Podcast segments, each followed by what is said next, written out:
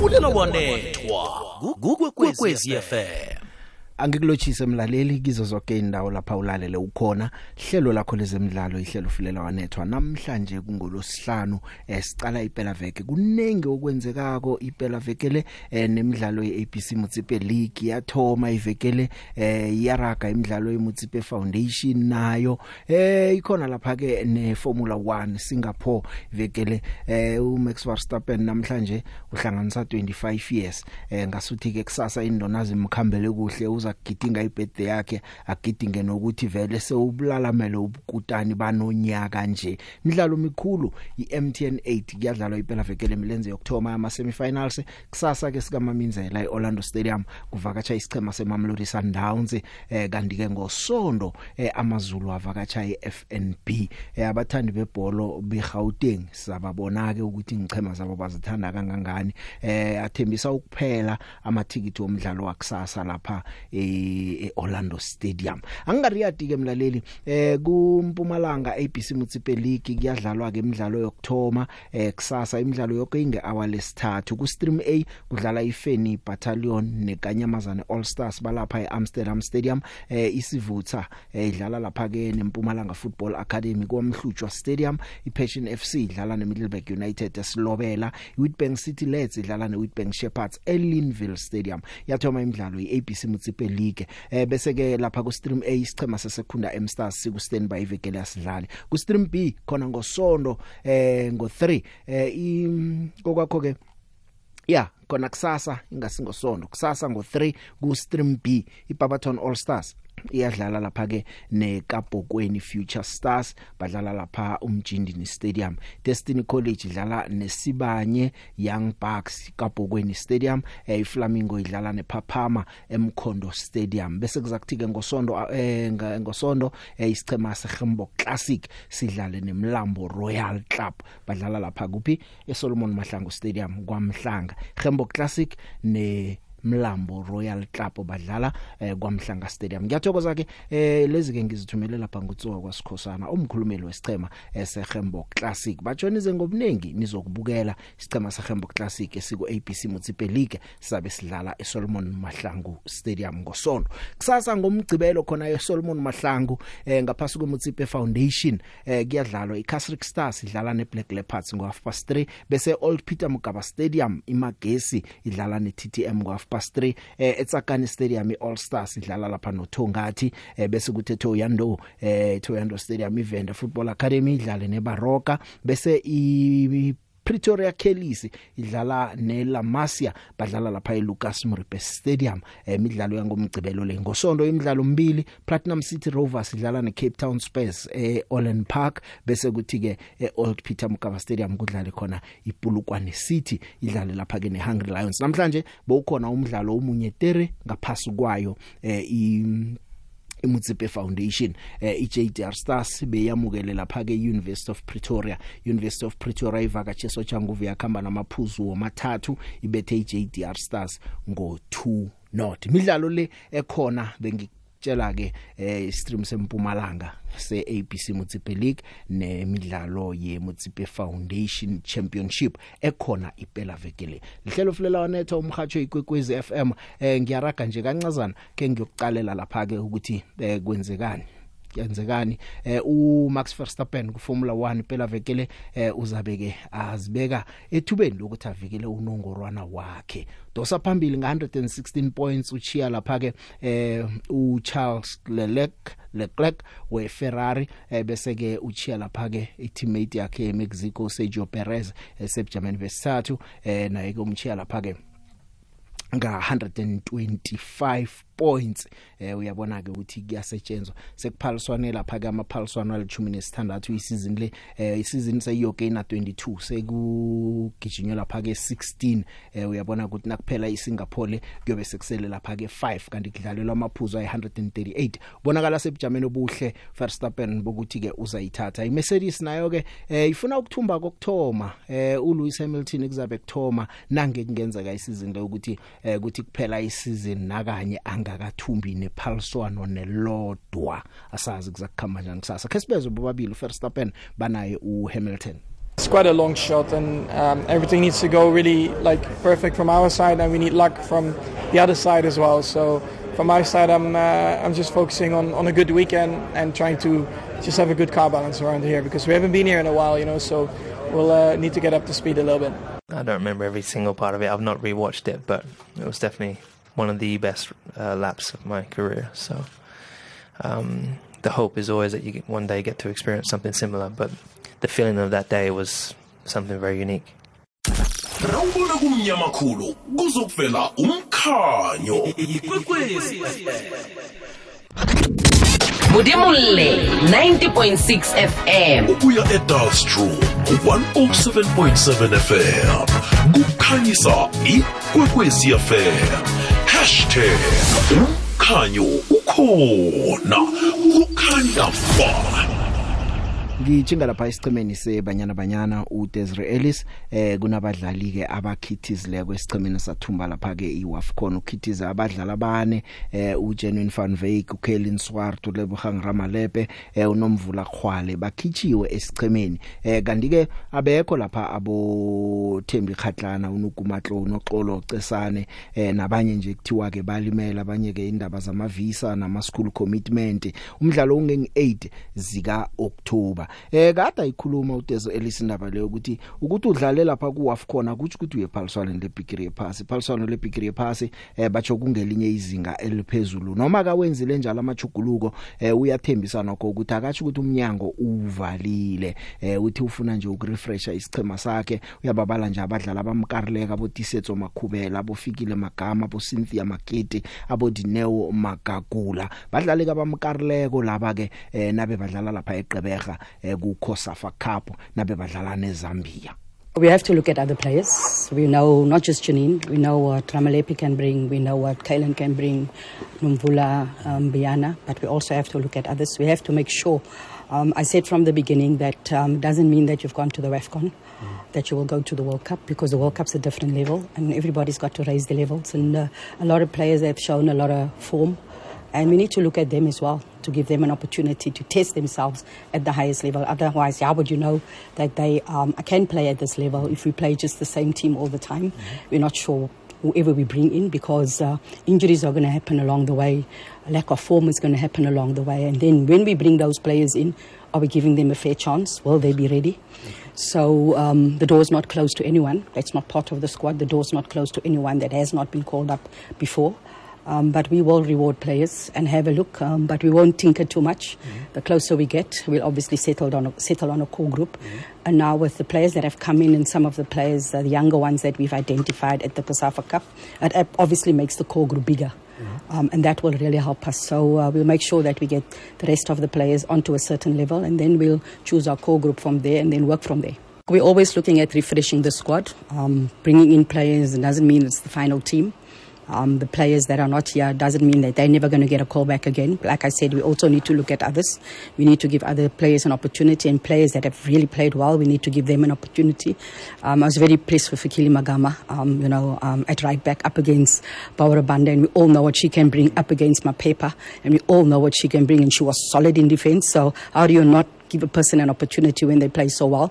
We also look at players in the Hollywood Bet Super League, and I thought uh, Cynthia Maketa, of, uh, the captain of Bloemfontein Celtic, has been a really informed player as well. And with with Notolo not being available, there's another wide player coming in.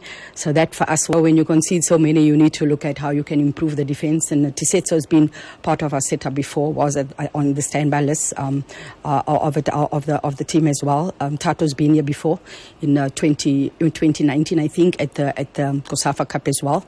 Um, Lona Timber has been part of it. So you're also looking at what they can add. Um, and then obviously, then you make your decision on who you take going forward. Uh, you can't tinker too much, but now it's an opportunity for us to have a look at that. Um, and to make the core group bigger because then you almost work from that core group, but you don't close your eyes because there might be one person out there who really makes you go, wow. And it's not part of that core group. So we want to leave that door open, but we also want to make sure that defensively we are better. We want to make sure that the players that come in, um, they can show the same quality that they showed. Then you know um, we had a, we have a bigger core group, and uh, as a national team, you cannot say it's never closed. You cannot say you're not looking at other players. You cannot say that the team is already settled because it can't be. It's so long away from from from the World Cup because then it's almost telling players that they don't have to work. They don't have to put in the work. They don't have to push each other. They don't have to perform. If you are not, you know, looking at other. mbanduli wesicema senaga uDesiree Ellis uthi umdlali akancame kiwa iphaliswaneni lebigiri yephasi sicema sifinal kodwa nabadlali abenza kuhle uzobanikela ithuba nasenye indaba engafuna ukufa indaba ka Hugo Bruce eh umanqoba mngqithi naye ke uphefumule uthi batsho Hugo Bruce naye unelungelo lokuveza wakhe umbono eh kodwa na ke kubalula batsho na uveza umbono kube uyathumba. Batsho ungasoveza imbono kanti nesicema sakho asithumbi. Eh uyakhuluma ke nangomhlangano Hugo Bruce athi batsho uyawufuna lo nababanduli kodwa na akawutholi. Eh umnqithi uthi ngubani omalelako? Akangifonele msinakafunako uyayibukela imidlalo akehle asuke lapha angene edressing room sizokukhuluma nakafunako. Eh angeza netlorokopa azosibukela na strainer kutsho umanqoba mqithi It's a free country. You, you, you can say whatever you want to say. But the only thing that is always very important is that it gives you a little bit of a license to say whatever you, you want to say if you are winning matches.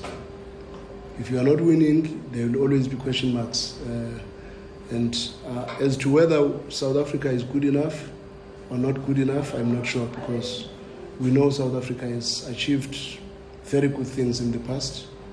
Uh, we've, we've had our national teams qualifying for the Olympics. We've, got, we've had our players uh, doing very well for many teams. We've had Sundowns uh, competing fairly well in the continental space and locally. We've had quite a number of teams doing very well. Cape Town Cities has also done exceptionally well. Pirates has done exceptionally well. Then I, I believe there is a very big pool of, of players that you can choose from. But if you are choosing whoever you're choosing and you are not winning, and you are saying the team is not good enough, maybe when you are pointing fingers, most fingers might be pointing at your direction. But if you are winning matches, we, we, are, we are always willing to listen to any, any coach, whatever he says, if he wins matches, because it shows exactly what he's trying to do. But again, the caliber of those matches becomes very important because. Uh, Okay, let me keep quiet.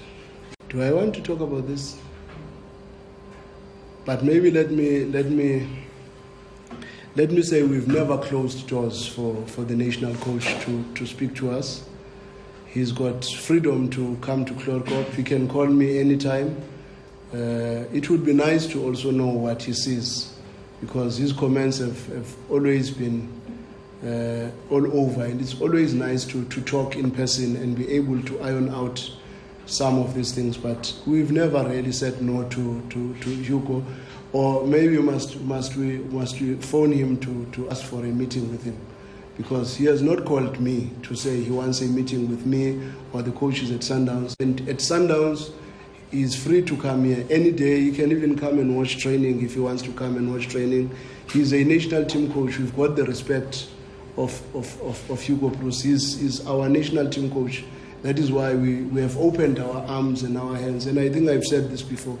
We've, I've never had an invitation from, from the national coach, and he's forever complaining that he has not met the coaches. And I would like to know who is stopping the national team coach to, to meet uh, the coaches because we've never stopped him. And you can phone him today. If he wants to come tomorrow, he's free also the, by the way because he does come to the matches he can even come down and, and meet us after the match if uh, he, that is what he would like to see. So we are very open to meeting the national coach and get to hear what he says about our football in south africa.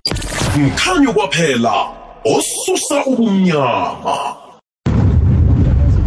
Ye big joe kunjani? Na ngubana lothameni laphanyana ke usominenhle kwadlawula le masoyini roteketa akunenge ngiyakubona mina. Kusasa. Hawa kusasa big joe le. Sanda suvele into ejwayele ukuyenza emhleni igcine ngaleza ingikhatshana leza yana ingibetha abo-four ababo-six aba nabo-three aba.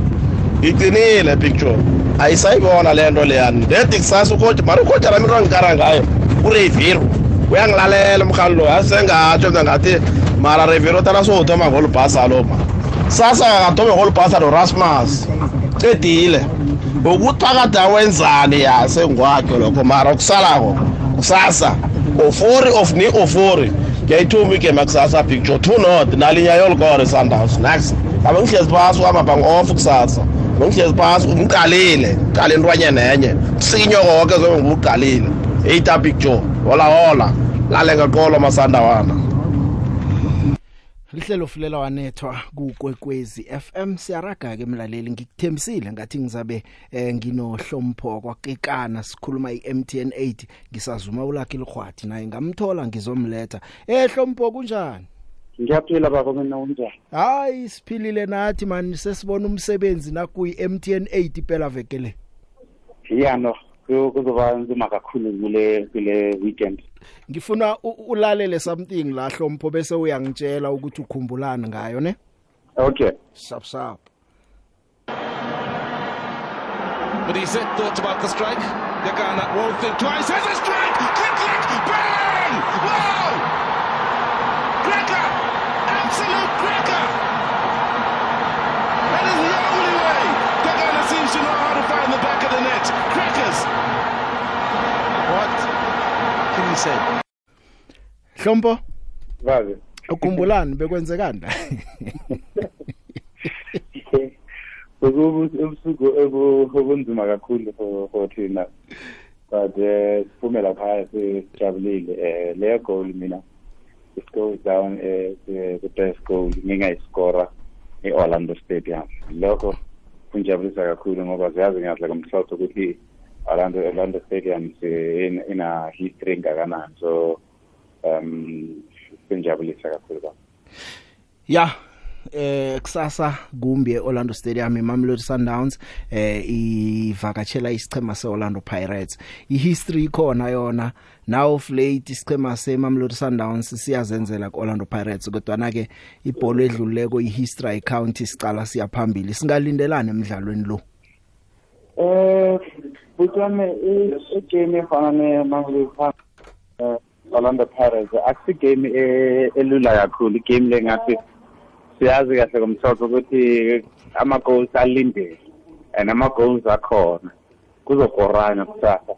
But lento ngiyazi kakhulu ukuthi ngeke kube lula for for amaqembu ethu. Ngeke kube kube lula for Mamelodi Sundowns ngoba siyazi kahle ngomthetho ukuthi i Pirates ayisabi kahle. i-Orlando e-Mamelodi Sundowns so only team ingathi i-test Mamelodi Sundowns that level. Of course Mamelodi Sundowns ina inama player ngathi bahlali bakhona badlala sonke from last season and season before. So bane chance ukuthi bangaqhubeka bawini lo lo mdlalo. But eOrlando akubi akubilula kanjalo eh esikhathini somdlalo benga bengawulindeli ngaka bengawulindeli bengawujabuleli lo mdlalo so unzima kakhulu. And ngiyazi kahle lomthopho ukuthi ku difficult kanjani ukudlaleli eh amaqembu oyi2 ya kubudisi. Kodwa na ke na umuntu oneutral ubukele nje umdlalo eh ungafila ukuthi umdlalo lo yitest for iOrlando Pirates ukuthi iready kangangani to challenge Sundowns nokuceda idominance yeSundowns isizini lo ungasacali MTN 8 kuphela ucale ukuya phambili. Icoach yesicema seOrlando Pirates uRivero eh naye nakakhuluma ukukhuluma njengomuntu ozithemba kumswa weSpain uthi ukuthi phambilini kwenzekani? Sundowns beyibetha isicema seOrlando Pirates bekangekho yena thonywa nje ngaye eh umdlalo ulindile yebo um awukho lula for ama amaqembu oyi2 lawo. Eh siyazi kahle ngomhlophe ukuthi izoba i-test for iMamelodi Sundowns um ngoba ayikazi itestiwe eh this season kahle kahle. I-team I believe bake babatesta to that level bekuyi-TX Galaxy le le le match bawudlalile la eLoftus. So i think le izoba i-test enkulu kabi because i-Champions League isayeza nayo. For Mamelodi Sundowns and Pirates nayo izofuna ukusitesta kabuka ukuthi bafika kuphi eh in terms of bazocompete kule season le. So umdlalo ngathi thina siwumele si- eh, siyaba siyabathandi bebhola because siyazi kahle ngomhlophe ukuthi izothini ku ku PSL eh this season. Is a toner izosetha tone the whole season ukuthi abadlali bakuphi in terms of how kuzo kuzoba kuzo ama ama anticipation siwalindile kule season but siyazi kahle ngomhlophe ukuthi ngeke kube lula for abadlali kusasa abantu ba under pressure already. Um um already ba bazi kahle ukuthi eh bakufuneka ini akufuneki ini. I don't think pirates izofuna ku- ku- kukoriwa ekhaya and i think pirates izofuna ukukora ekhaya because bazi ukuthi lokho if ba- banga- bangaya eh, epolokwane bangakoranga kuzoba kuzoba nzima kakhulu for bona. Ya imidlalo ya ya two legs le i- inokuba tricky nyana so. Ngicabanga ukuthi nama preparations wemidlalo eso ayahluka kunemidlalo eyi once off knockout ngomdlalo oyi1 umehluko uba yini? Mentally nama coach e dressing room nani dlala eh umdlalo o two legged and nithoma nidlala ekukhambeni noma nidlala ekhaya i different nge approach kuba yini? I-approach eh i think iba lapho ukuthi awufuni ukukora nje. Eh i think that's the only time. Eh i-motivation yona awudingi ese esomdlalo ku- ku- ukudlala umdlali o- o- o- ofana nale Chiefs ne I mean uPa- eh, Pirates ne Mamelodi Sundowns. Wazi kahle ukuthi kufuneka ini from wena aku- akufuneki ini from wena. So as a team as a player uyazi kahle ukuthi ama expectations kapa am- aba- amalandeli bebhola wonke umuntu ulindele ukuthi udlale kahle. Uh, so i think aba, aba ama players kwamanje eh eng- engqondweni zabo za- bayazi kahle kamhlophe ukuthi eh lo match lo usho kuthini eh to South Africa. Eh not only South Africa but in, in, in Africa. Eh ngoba siyazi ukuthi konke kulindele abantu balindele. Ukuthi kube nama nama results eh come 5 o'clock kusasa after the match. Sazi ukuthi ubani azoba awinile. Of course sazi i-second leg isasekhona. Ile i-second leg ingathi izenze ukuthi eh, umdlalo uthande kuba difficult kakhulu. But yeah into lengathi ngiyayithanda le. Yes. Mhlombo ang as- angikhambe ngiye lapha kuma headlines nangibuyako ke siyokucala eFNB kuvakatshe isichema samaZulu sivakatshele isichema seKaizer Chiefs nalapho eh, ukusitshela nje ukuthi singalindela umdlalo onjani na ucala ukuthi Chiefs ngathi kwakhiwa isicheme esitsha bathome ebudisanyana nje bathola Yeah. ngathi badlala ngcono amaZulu Mhm. coach Brandon Truther naye u under pressure eh u under Yeah. pressure kodwa abadlali abanengi abangale siqemeni seKaizer Chiefs uyabazi sesiza ukuthi lokho mhlambe kuzomsiza ngokuthi uyazi ukuthi abadlali laba banjani mentality or kuyokuhluka ngoba nje sebacoacha umuntu odifferent uArthur Zwane neapproach yabo nangendlela abadlala ngakhona mhlawumnye seyi different ithi ngiye kuma headlines nasibuyako singene emidlalweni no Chiefs namaZulu. Okay ba phila njengomuntu osemkhanyweni ngombana mkhanyo oletha ukuphila. Imzuzu nje imajuma amabili nemzuzu ebunane ngaphambi kwehour lesithandathu ngisesena uhlompo kekana hlompo start start usibeke lapha eFNB ngiyabonga ba ya mdlalo eFNB ngosonto ubona njani wena umdlalo ngathi uzoba uzothanda ukwenziwa kakhulu ku kuqembu le Kaizer Chiefs. And ngizokutshela ka i amaZulu yona i ayina pressure. Eh siyazi kahle ukuthi eh, ku akukho kuningi osukulindele from amaZulu eh but siyazi kahle kumthopha ukuthi i-tournament efana ne-M10 8 akusi tournament engathi iform ukuthi wenza kahle eligini kuzokuwinela ama matches Kuzofu- kuzofuneka ukuthi abadlali ba ba- ba- bayenze sure iqiniseko la ukuthi abaconcede ama goals but izoba nzima kakhulu for abadlali for bafana ba ne-Kaizer Chiefs because eh i-confidence yabo ayikakabi eh ayikabi the way bokumele iqembu lefana ne-Chiefs kuba ik- ikhona manje. Um siyazi ukuthi ku- iqembu lakamaZulu kuna abadlali labo babuya ku-Chiefs eh abaqembu aba- abadlali bafana nabo Mzuma um Mabiliso George Maleleka um Phahlele lawa abadlali khona into bazofuna ukuyiprove ah ngakhohlwa ulihlokolo Majoro. uh, khona abadlali bazoyi khona lento bazoyi bazofuna ukuyi- kuyiprove ukuthi ngathi iqembu lenzi mistake ukuba kubadedela bahamba so leyo leyo nto izoyenza ukuthi badlali ba babe ne-confidence enkulu kabi ukuthi nabaya ku-game efana ne-kaizer chiefs banikeze nge-performance engathi ijabulisa abalandeli bamazulu. Of course amazulu coach coach Tulta ungiprove wrong mina as a, as a, as a somebody who watch football because ngibone the way basayine ama-player amaningi akhona and bengithuke ukuthi mhlambe ngeke bathole isikhathi sokujela together but manje mangithi ngibukele um bakhona abadlali bangathi ba-stand out for mina and ngihappy ukuthi bayajabula. So ngijabula kakhulu. So yeah.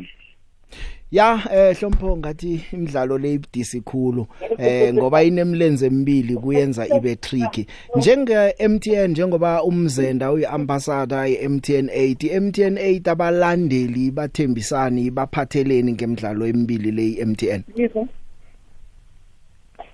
Um ngathi MTN ikhuluma naba aba aba abathengi ngaba ama supporters wabo ukuthi siyanikeza kwama-common charities wethu ama-charities azobenefita kakhulu from le nomqindisano we-MTN eight um and I think na there's a goal for charity which I believe in every goal le kule tournament iworth 20,000 rand. So mm. I believe kube ne nama goals amaningi uh, over the weekend ukuthi eh ama charities nawo akhona benefit. So um, ama charity ayokubenefita akhethwa ngibani MTN izikhethelo rabadlali abakorileko ngiba abawakhetha also um lawo lawo ama ama ama imali lama goals zona zikhethwa ki MTN MTN izo izohamba the whole nine provinces ifunana nama charity organizations lawa izobanikeza leyo leyo mali. Of course there's a, a last legend standing. Lawo le mali leyo izophuma from one of our legends um azo azokhetha charity of his own choices and aye azo azo azo ayenza eh ayenza eh ayenza a donation khona lapho. But akuko akusuko lokho kuphela MTN ifuna ukuthi um any um team lapha emakhaya eh bayenze eh eh application ukuthi bathole eh MTN bafune izoba izo izoba izobanikeza ama kit um for for ama coaching clinics. Kill lapho thina singena khona sizenza ama coaching clinics for abantwana i think. Leyo um application uyenza ko your charity not charity but the region yeni la kuna yenza ama imidlalo khona. So that itself iyangijabulisa ngoba ngizobona abantwana abancane bajabula ngeleso sikhathi. Eh abafuna ukwenza ama application bayapi kuma offices wama LFA bokwenza application oh yeah yeah. Baya lapho kule region eh yase ya LFA wabahlukeneko benze ama application ukuthi iMTN babambela ama coaching clinics bazokuthola ama kit ah lapho bazothola bazothatha the file le ukuthi ngathi eh everybody ushiye the application khona. And then MTN izo mathi mayihamba if iyazi ukuthi abo bani babafuna the, the lama kit from which area and they will take it from there. Umuntu olaleleko nje ofuna ukwazi ukuthi mhlawumnye iMTN icalani ukuthi in provide ngama coaching clinics nama kit lawo. Akuna website mhlawumbe akuna la ngayokuhlola khona abone nje ama requirements nakho konke imininingwane phatha kukhona ku um, i-Twitter space kuna information le iphelele. Khona i-Facebook yakhona ne-Instagram I think ibanazo nama social media. So I think la khona kuna information ephelele um I think uh, everybody uzo uzothola le lo milayezo alandele wazi wazi kule ma social media. Balandele iMTN kuma social media platforms kulaba zokuthola khona imininingwane. Yebo baba. Yebo. Hlompo ngithokoza isikhatsi sakho kodwa ngaphambi kokuthi ukhambe ngiyazi ukuthi ngespeed bathi direto adijwa mukato eh anginandaba ukuthi kudlalwa njani this weekend? Ngifuna nje ungitshela ama team ayi2 ayokudlala ifinal. Eh ngifuna eh Mamelodi Sundowns ihambe neKaizer Chiefs uyafuna. awuthi ya uthi uyafuna.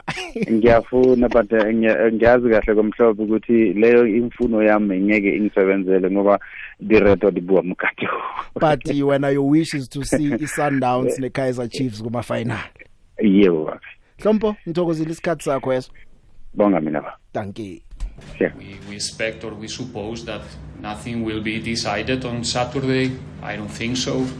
Uh, and if it's, hopefully it's in our favor. But we have to play two games, two good teams, uh, uh, well prepared, well structured, with good players. So probably nothing will be decided on Saturday. We have to uh, understand that it's a 180 minutes game and uh, minimum.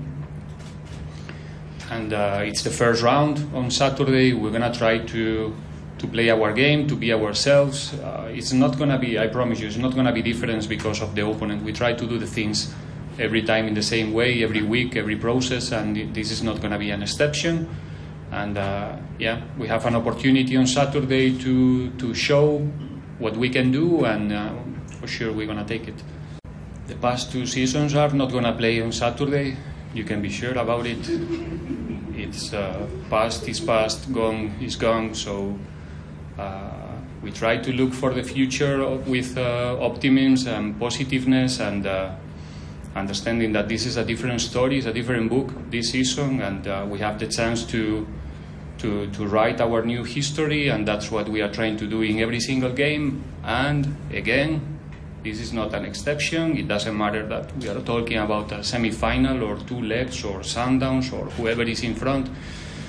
We're trying to be ourselves. We're trying to build and grow our own identity, and you know what we are trying to do is much more important than only one game or isolate this game like something very, very, very special. We're gonna get uh, an outcome very positive if we manage to, to beat our next opponent, and that's what we are looking for.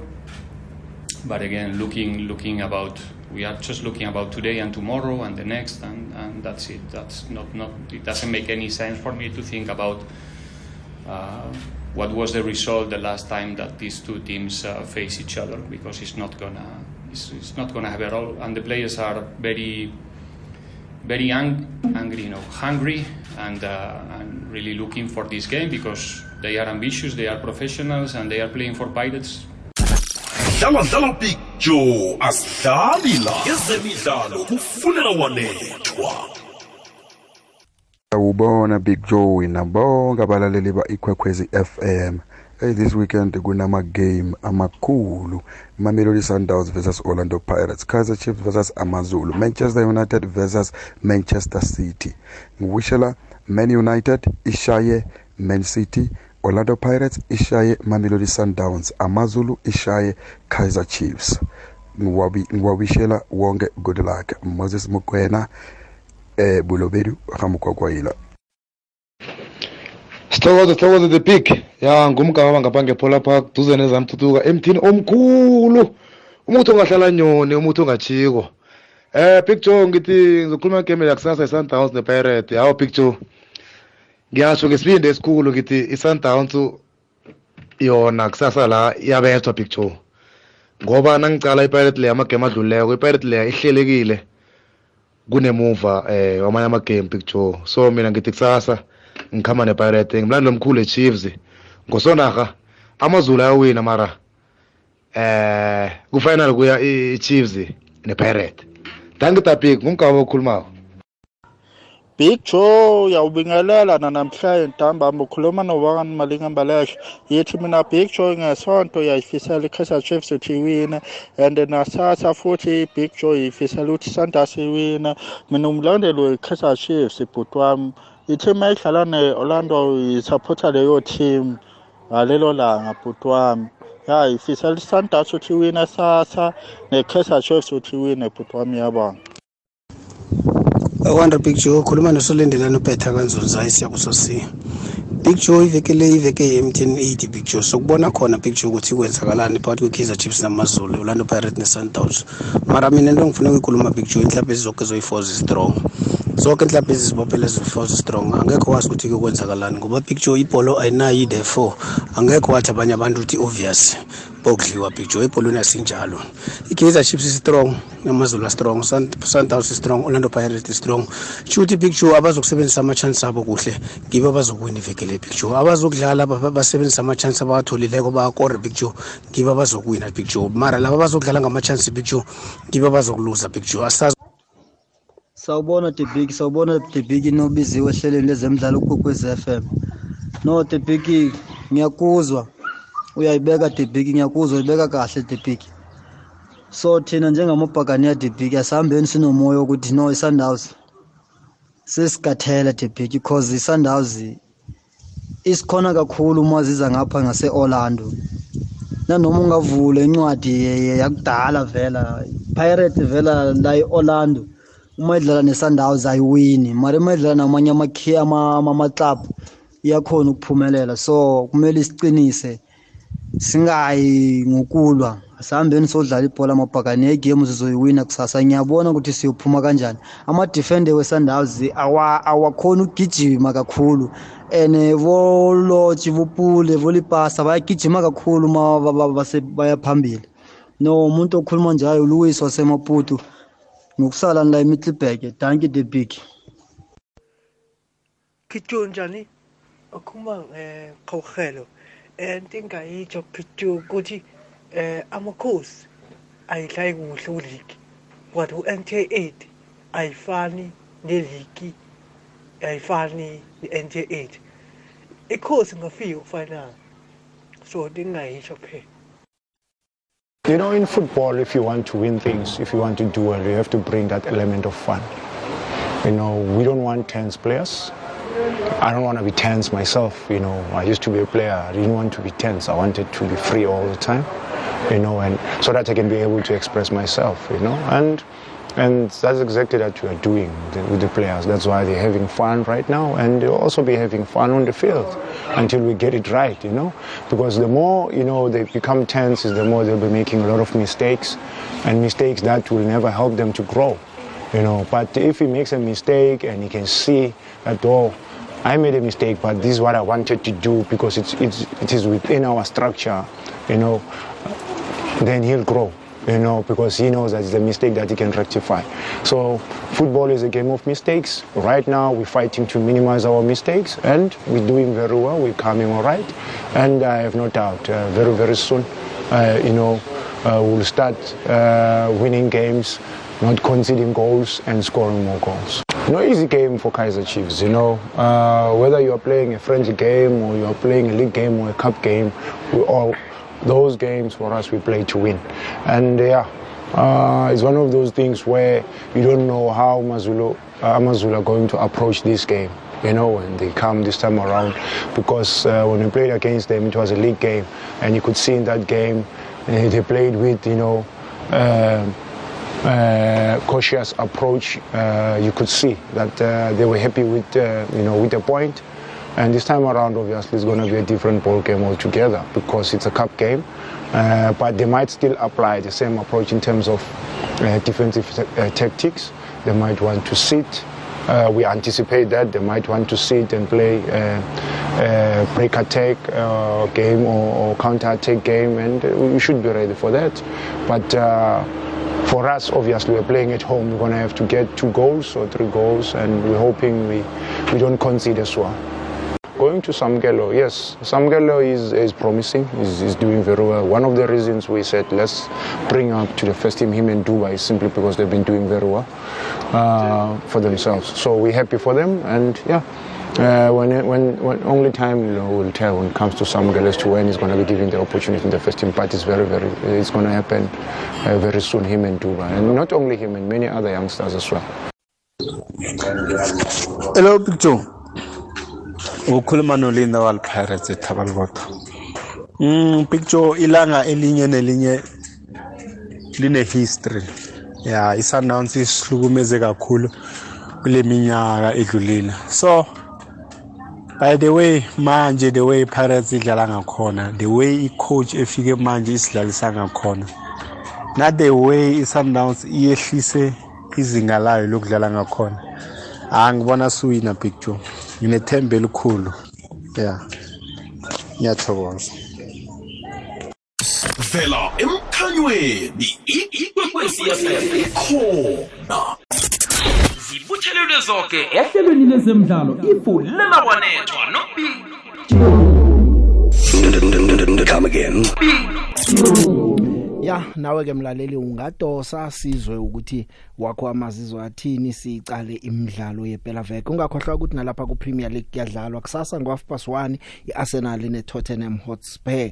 Eh uyabona ukuthi kube kumdlalo omuhle eh nomnandi. Arsenal na ucala nje imidlalo yabo edluleke emibili badlala ne Tottenham bayibethile kanomunye umdlalo ekhona kusasa ingo 4 Bournemouth nesichema seBrentford Crystal Palace neChelsea iFulham neNewcastle United iLiverpool neBrighton iSouthampton neEverton eh, bese iWest Ham United ibane Wolverhampton Wanderers. Badlala ngo half past 6 ke lo West Ham neWolves. Kanti ngosonto Manchester City ine Manchester United ngo 3 Manchester City seyibethe iManchester United amahlandla amabili ngokulandelana. Sazi ukuthi boyibetha lesithathu na? Eh na ungakhumbula bakhe bayibetha amahlandla amane ngokulandelana phakathi kwa April 2013 eh no November 2014 sazi ke kuba njani ke ngosonto kanomnye umdlalo khona ngosonto ngo half past 5 lapha kudlala khona isichema seLeeds neAston Villa. Ngomvulo munye tere umdlalo kudlala iLeicester City idlala lapha ke nesichema seNottingham Forest. Midlalo leyo ke ngaphasi kweleague yamangisi. Ungadosa ke nawe uzwakalise wakho amazizwe emoyeni Eh bijo nangisenza zakanyani bulisa studio nomvezi. Eh ngithi angidlulisa ukubonga lapha na ethimini yami Sundowns.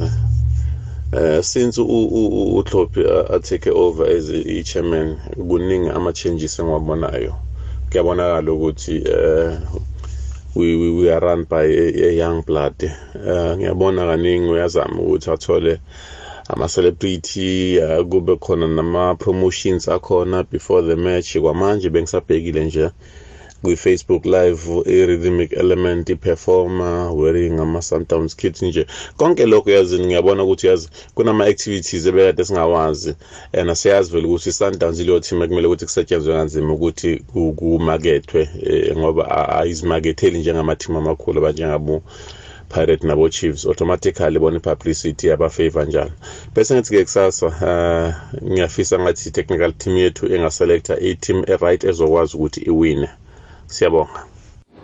Epicture kunjani picture bambena mapho. Mapicture into lengishoko mina ngithi kusasa. i-Sundowns yondlula tuke Pirates ngawan ngawaneli bese kuthi i-Sunday Chiefs yandlula tuke emazulu nga-2-1 lolo sho njalo ngumaphoma ngikubamba ngilapho lempumalanga picture. Mfana phase contract thank you picture. Siyathokoza komdry isichinga ngapha usemoyeni yeche picture! Akwande? Hayi mina ngidiniwe. Udinwe njengama usiwedwa odinweko. Nami ngidinwe sengifuna ukuchayisa Sundowns le ingidinile oh okay. Ngidinwe khulu i-Sundowns ingidine khulu. Ake smooth nje enough nje. Sifis i-Sundowns lemosi mina kusasa ngizokhwela phezu kwayo picture aha. Kabuhlungu futhi. Sikhona sibofakazi sizakubona na uyikhwela ke Sundowns. Ngibani kuphi? Ngubhakaniya wawazimu la emafuke village ngasemehlibhede siyathokoza namhlanje singizokulala ngigcoka iphuraphura ngizokulala phezu kosofa ngiyazila. Ngidiniwe Sundowns ngesibuku hey lo kempa mfo kempa kulungile ezo sithokozile. Usemoyeni yeche akwande picture yeche ikhona picture kupakani emtedi or eh, number 2 ngene number 1 leli oh picture pakani le number 1 leliya eh picture yabona i-pirate unyaka lo? Mm. i-Sundowns ngiyi-Sundowns yabona i-pirate ibalance unyaka lo? Yeah ingakhona ukubamba i-Sundowns nethi ucoach ethu-ke angaphathi ibhesi. i-Sundowns usuka zibeka kosela ikhwele. And nalo kudlala ne-Sundowns koselazi ukuthi kusasa akadlali nangodlala i-midfield uthemba zwane. Ushawulile akadlali. Ulelo mayima abadlali. Wamaditri leyo ugebhile nge-Sundowns afakwe erasmus athome ngaye phambili nolipasa akwazi ukubakhuhlumeza phambili. Ulipasa akwazi ukubathiya ngespeed. Wenza njalo uqedile nge-Sundowns neta akaphathi ibhesi noma sikakora Sundowns soyibetha picture ivekile ngikuzule Thokoze, Picture. ngikuzule pakani uthokozwa ngimi. Eh mavunda phakathi kwesichema seChiefs namazulu usithebe eh uyathi uthi yong eh, ngihalela ubabetha ke na engilabo so engakusho mina ukuthi it's not like ukuthi engakusho ukuthi no siyodlala namazulu obvious team engibuya kuyona and ukuhamba kwami azange habe ngeyivumelane ezithize kahle. So i wish bantu badlala nabo each and every weekend so ngizobabona boss coach so ukumithana nabo and these two games esoyidlala nabo i think for mina i'll go all out. If i get a chance then i'll go more than 100 percent the way ngizodlala khona. Mm, no obviously I'll celebrate more if I can score. I'll even take this picture. But then it's not like Gucci Gune pressure and I need to prove something. But as a team, I'm as a player, we need to win cups and this is the thing that I want to achieve. And obviously playing for a big team, we have more chances of winning cups. Engakusho for mina is not easy and there's too much pressure. Here away your home game we draw ne lose is something bad. They always want to win straight. So akufani nathi amathimi amancane sometimes we accept a lose. We accept the draw but here i think given if we drew we don't accept it. That pressure is too much for us because in this team always win win win. After a game you find yourself udrawile so kuba nzima nje accept ukuthi udrawile the very big joe ngiyakulotshisa wena nobiziwe nomlaleli kokwez f m ukulotshisayo ngobaba omncane hlanu kwesport kindosa umaseko uh, big joe akhe ngithi big up ukuthola eh uhlompo gekana umsaloyo ngimhlonipha kakhulu as a legend udlale kamnandi ibhola icareer yakhe ngiyilandele yonke eh nakubafana bafana wangidlalela kamnandi. So ngithenda ngimcala nasehlangothini loku-analyze cishe into ayikhulumako yakhona ukuthi ube ne- nesisindo ositholayo ekulumeni yakhe so ngiyathokoza big joe kuleyo ndawo. And then big joe ngize emdlalweni yale phela veke. Engikubonayo big joe ukuthi eh ku- ku- ku- kunento ezokwenzeka. Kunabantu abakulisa ukufavor kule phela veke le. Kunabantu abokuhlanuka ibholo kule phela veke le. Ngiyathokoza big joe okhulumayo ngibaba omncane hlanu kwesport kindos maseko naso ya baba omncane. Eh ungakhohlwa ukuthi imidlalo le 180 minutes le akusi 90 minutes esiyijwayeleko sakubona khona. Usemoyeni yecha Also Big Joe ethokoza ukukhuluma no apha nomsiyoni umlandeli weSuper Sport. ayate msiyoni Ayade ke khoso Big Joe. mm msiyoni namhlanje uthini Angithi i- i-Sundowns i- izokuthumba iPirates angeke ibone ngalito lapha. ngikuzule msiyoni khotso ibe lwena Wena Big Joe khotso ibe wena. thank you baba usemoyeni yecha So, stemule petal Joe Orlando Pirates nesikema seSundowns kuba igame enzima kakhulu Joe. Orlando Pirates ifunisha amagoli abe mathathu Joe. Enzele ukuthi ningasambi sezombeni olandelayo sikwazi ukuhamba ngaphambili ngamagoli amathathu sikwazi ukuthi si-ede khona ubantu Orlando Pirates akumelanga ahlale emuva nasake asawakorile amagoli kumele edlalise i-Sundowns i-Sundowns nayidlale iba namaphutha lapha emuva ngikhona ukushaya amanye amagoli kusasa i-Sundowns ngiyikhipha inkani Bigjoe nakanjani nakanjani? Inkinga enkulu e-Orlando ama-parking Bigjoe wathi ngaba namaphoyisa asikontrole kahle imoto basigcina imoto seyishayisene lapha. Eyi le soweda ikhona e-Orlando ama-parking awekho kahle Bigjoe kuyahlupheka nesithukuthi esithola ama-parking ya sithembe ukuthi bazanilungisela bachile ukuthi amapholisa azabangonina lapho achecha ubujamo basize abantu. Nifike kusesenesikhathi nani? Ijoe uhenry dumisana kwazungwane ngoma kwamaduma low.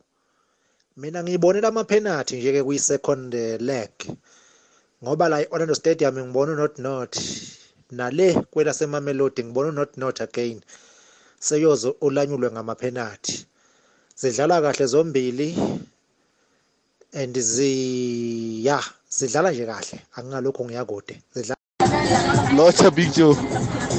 Big joe ngundriba yomandela. Big joe. Le ndoda ethi yokempa le e big joe zabazithole big joe. Angakempi angakempi akusise eli for ukuthi angakempa big joe. Eh kusathoma akhe mkangi sasa big joe isandance iyadlula big joe. 2-1 phezu kwepirate big joe. Danki big joe ngundriba yomandela bantu bayazila bazilela ibholo. Sibu wena ukempi phela vekele. Hawa lutho jwa ngikhempi awukempi isichema sakho uyasithemba. Asihlogi ukuthi ukempe awu mna ngithi uza ukuthi sibusiso predictor njengemhleni. Anginasiqhema okay ngiseza ke predictor ke i-first leg yokuhamba njani? Kusasa phakathi kwe-orlando pirates ne na- ne- ne- ne-sundowns. Ngibona i-draw 2-2 ya. Ngosondo i-chiefs ne namazulu. Ya. Chiefs yadlula one not. Kufinal kuyaziphi ingcheme emibili? Kufinali ngibona i-pirate ne ne-chiefs. Ngikuzule siburaga ube nepela veke emnandi. Benempela veke mnandi nangakuwe siyathokoza.